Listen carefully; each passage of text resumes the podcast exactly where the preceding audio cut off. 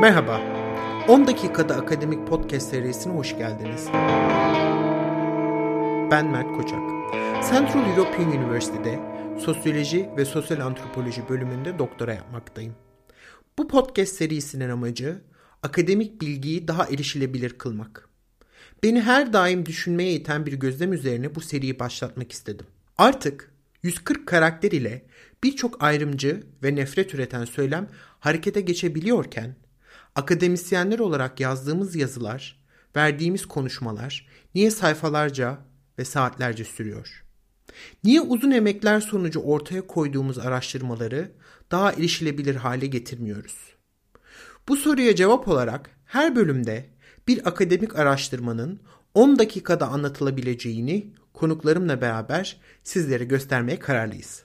Akademide 10 dakika podcast serisinin 4. bölümünde Nazlı Azergünlü'yü ağırlıyoruz. Geldiğin için çok teşekkür ederim. Teşekkür ederim Mert. Ee, sağ ol davetin için. Kendini tanıtabilir misin? Ee, tabii. Ben şu anda Virginia Üniversitesi Ekonomik Antropoloji dalında doktor öğrencisiyim. Ee, doktora araştırmam için ilgi alanlarım ekonomik sistemler ve sürdürülebilir finans üzerine.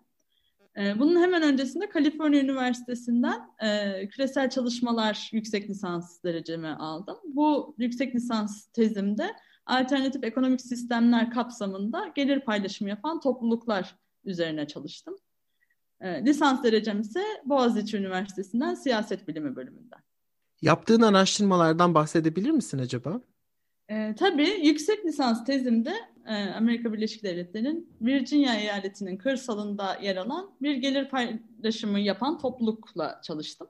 Ben yüksek lisans araştırmamı başlarken en temel sorum, bu kişisel olarak da beni ilgilendiren bir soru olan, kapitalizm dışında bir hayat mümkün müdür? Eğer bu antikapitalist hayat mümkünse nasıl kuruluyor ve nasıl sürdürülüyor sorusuydu. Ee, burada antikapitalizmden kastım e, gündelik hayatta işte kira ödemek zorunda olmadan barınabildiğimiz, herhangi bir ücret karşılığında çalışmadan kendimiz için çalışabildiğimiz, kendimizi istediğimiz alanda, istediğimiz şekilde geliştirebildiğimiz bir hayatın mümkün olup olmadığıydı. Ön araştırmalarım sonucunda bu e, Twinox isimli topluluğu buldum. Benim amacım en başından beri etnografik bir araştırma yürütmekti etnografik araştırmadan söylemeye çalıştığım şey yaklaşık 3-4 aylık sürelerle totalde 12 aya varan bir kapsamda oranın bir parçası olmaktı. Oranın bir üyesi gibi hayatımı sürdürmek e, ve gerekli buldukça tematik görüşmeler yapmaktı. Oranın bir üyesiymişim derken de e, resmi olarak üye olmasam da e, oradaki yaşantıya katıldığım, işte ürettikleri tofu fabrikasında çalıştığım, Gerekirse bütün 150 kişilik bir topluluğa yemek yaptım. İşte ders e, çocuklara ders verilmesi gerektiğinde ders verdiğim bir hayattı. E, temel olarak verilerim bu etnografik gözlemlerim ve yaptığım tematik derinlikli görüşmeler. Anladım, teşekkürler. Araştırmanın çıktılarını bizimle paylaşabilir misin? E, tabii ki. Sanırım bulgularıma geçmeden önce önemli bir tanım yapmam gerekiyor. E, gelir paylaşımı yapan topluluklar henüz Türkiye'de bir örneğine rastlamadım. Gelir paylaşımı yapan topluluklarda sık sık kooperatiflerle karıştırıldığı için buradan bir negatif tanımlama da yapabilirim aslında. Kooperatiflerin aksine bu e, kurulan hayat, bu paydaşlık bütün bir hayatı kapsıyor. Yani bir gelir paylaşımı yapılan bir topluluğa katıldığımda ben dışarıyla olan ücrete bağlı emek ilişkilerimi kesiyorum. Verdiğim bütün emek bu topluluğa verilmiş oluyor ve dışarıdan gelen gelirlerimi ve mallarımı da reddediyorum. Ve daha sonra bu toplulukta verdiğim emek kapsamında var olan kaynaklardan bu barınma olur, yiyecek olur, kıyafet olur veya işte sağlık ihtiyaçları olur. Eşit bir şekilde faydalanıyorum. Kooperatiflerden farkıysa e, bir işçi kooperatifinde örneğin çalışanlar o kurumun bir e, paydaşıdır. O kurumun sermayesinden ve kar akışı üzerinde kendi payları kapsamında bir söz hakkına sahiptir. Ama dışarıda da bir hayat kurabilirler. Yani başka bir yerden de gelir elde edebilirler. Ancak bu topluluk bunu reddediyor ve dolayısıyla bana göre biraz daha derinlikli bir antikapitalist örgütlenme örneği sunuyor. Bulgularıma geçersem bence en önemli bulgum e, bu topluluğun, bu antikapitalist örgütlenmenin başarısının aslında müşterekler adını verdiğimiz ortak kaynakları hayal etme, kurma ve sürdürülebilir bir biçimde kullanması. Müşterek kaynak hayal etmek ve kurmaktan kastım şu. Ee, bu toplulukta gündelik hayatımızda müşterek ya da ortak kaynak olarak hayal etmediğimiz emek, ev içi emek ya da bakım emeği gibi emek türleri ve kıyafet, yemek, hijyen malzemeleri gibi e, şahsi bir mülk olarak algılanan malların, varlıkların ortak bir hazineden, ortak bir bütçeden kullanılması ve her şey, herkesin bundan eşit bir biçimde faydalanması. E, ve bunu yapmak için de aslında çok sıkı e, topluluk kuralları uygulanıyor. Bunlar üyeler tarafından benimseniyor ve üyeler bunun uygulanmasında başrolü alıyor. Ve bu bence birçok e, farklı bağlamda da uygulanabilecek bir müşterek paylaşımı modeli sunuyor. İkinci bulgum, bu da bence önemli bir bulgu ve zaman zaman beni araştırmacı olarak zorlayan bir bulguydu. Ben bu kendisine komün adı verilen topluluğa vardığımda, ulaştığımda hayal ettiğim şey tamamen dışarıya bağımsız bir biçimde ideallerini tümüyle yaşayabilen bir topluluk hayal etmiştim. Ancak içeride çok eşitlikçi bir hayat sunduğu halde üyelerine dışarıya karşı kapitalist bir şirketmiş gibi davranmak zorunda.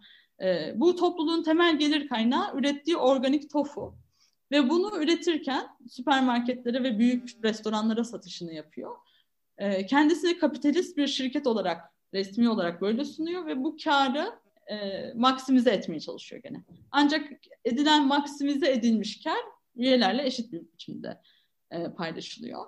Bu da bana e, bunu bu arada üyeler de oldukça benimsiyor ve e, içselleştiriyor. Kendilerine içeride anti kapitalist, dışarıda kapitalist bir balon olarak tanımlıyorlar ve bundan oldukça mutlular. Bu da benim birazcık kapitalizmin dominantlığı karşısında bir sistem olarak aslında pragmatistliğin de bir strateji olabileceğini ve hibrit varoluşların da kıymetli olduğunu ve hani totalde bir anti kapitalizmi yakalayana kadar bunların da peyderpey e, hayal ettikleri hayatı, hayal ettiğimiz antikapitalist hayatı kurmakta bir adım olduğunu gördüm. Araştırmanın merkezinde olan tek bir kavramı bize detaylı bir şekilde açıklayabilir misin? E, tabii bu soruya cevabı muhtemelen müşterekler olurdu. E, müşterekler İngilizcesi commons olarak geçen ve temeli 2009 yılında Nobel Ekonomi Ödülü alan Elinor Ostrom tarafından atılan bir e, literatür. E, Elinor Ostrom e, bir siyaset bilimci ve Garrett Hardin'e karşı bu hareketi başlatıyor, bu akademik hareketi başlatıyor.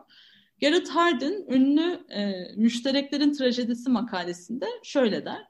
Müştereklerin adil ve sürdürülebilir bir biçimde kullanılabilmesi için ya merkezcil bir devlet müdahalesi gereklidir ya da bu kaynaklar serbest piyasaya sunulmalıdır.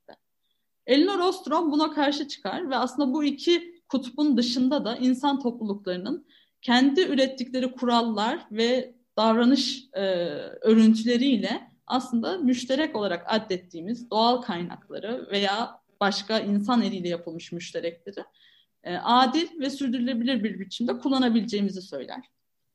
Ben de bu araştırmam kapsamında bu tarz toplulukların müşterek paylaşımına, e, iyi müşterek paylaşımına örnek olabileceğini gördüm. Ve aslında e, şu anda var olan iklim krizi ve bunun getireceği ekonomik ve sosyal krizler kapsamında iyi müşterek kullanımının, adil ve sürdürülebilir müşterek kullanımının önemli bir gerektir gerektirme olduğunu gördüm. Ve bu da bana yani bu çalışmada bana biraz bunun insan eliyle sağlanabileceğine dair bir ümit verdi. Bu, bunun bir örneği olabilir dedim. Çok teşekkürler Nazlı. Teşekkür ederim Mert. Evet, e, uzun zamanlar harcayıp hazırladığın tezini 10 dakikaya indirdiğin için gerçekten çok teşekkürler. Nazlı'nın e, çalışmalarını merak eden arkadaşlar olursa aşağıda e, sağlayacağımız linke tıklayarak ulaşabilirler bu makale, e, Nazlı'nın makalelerine.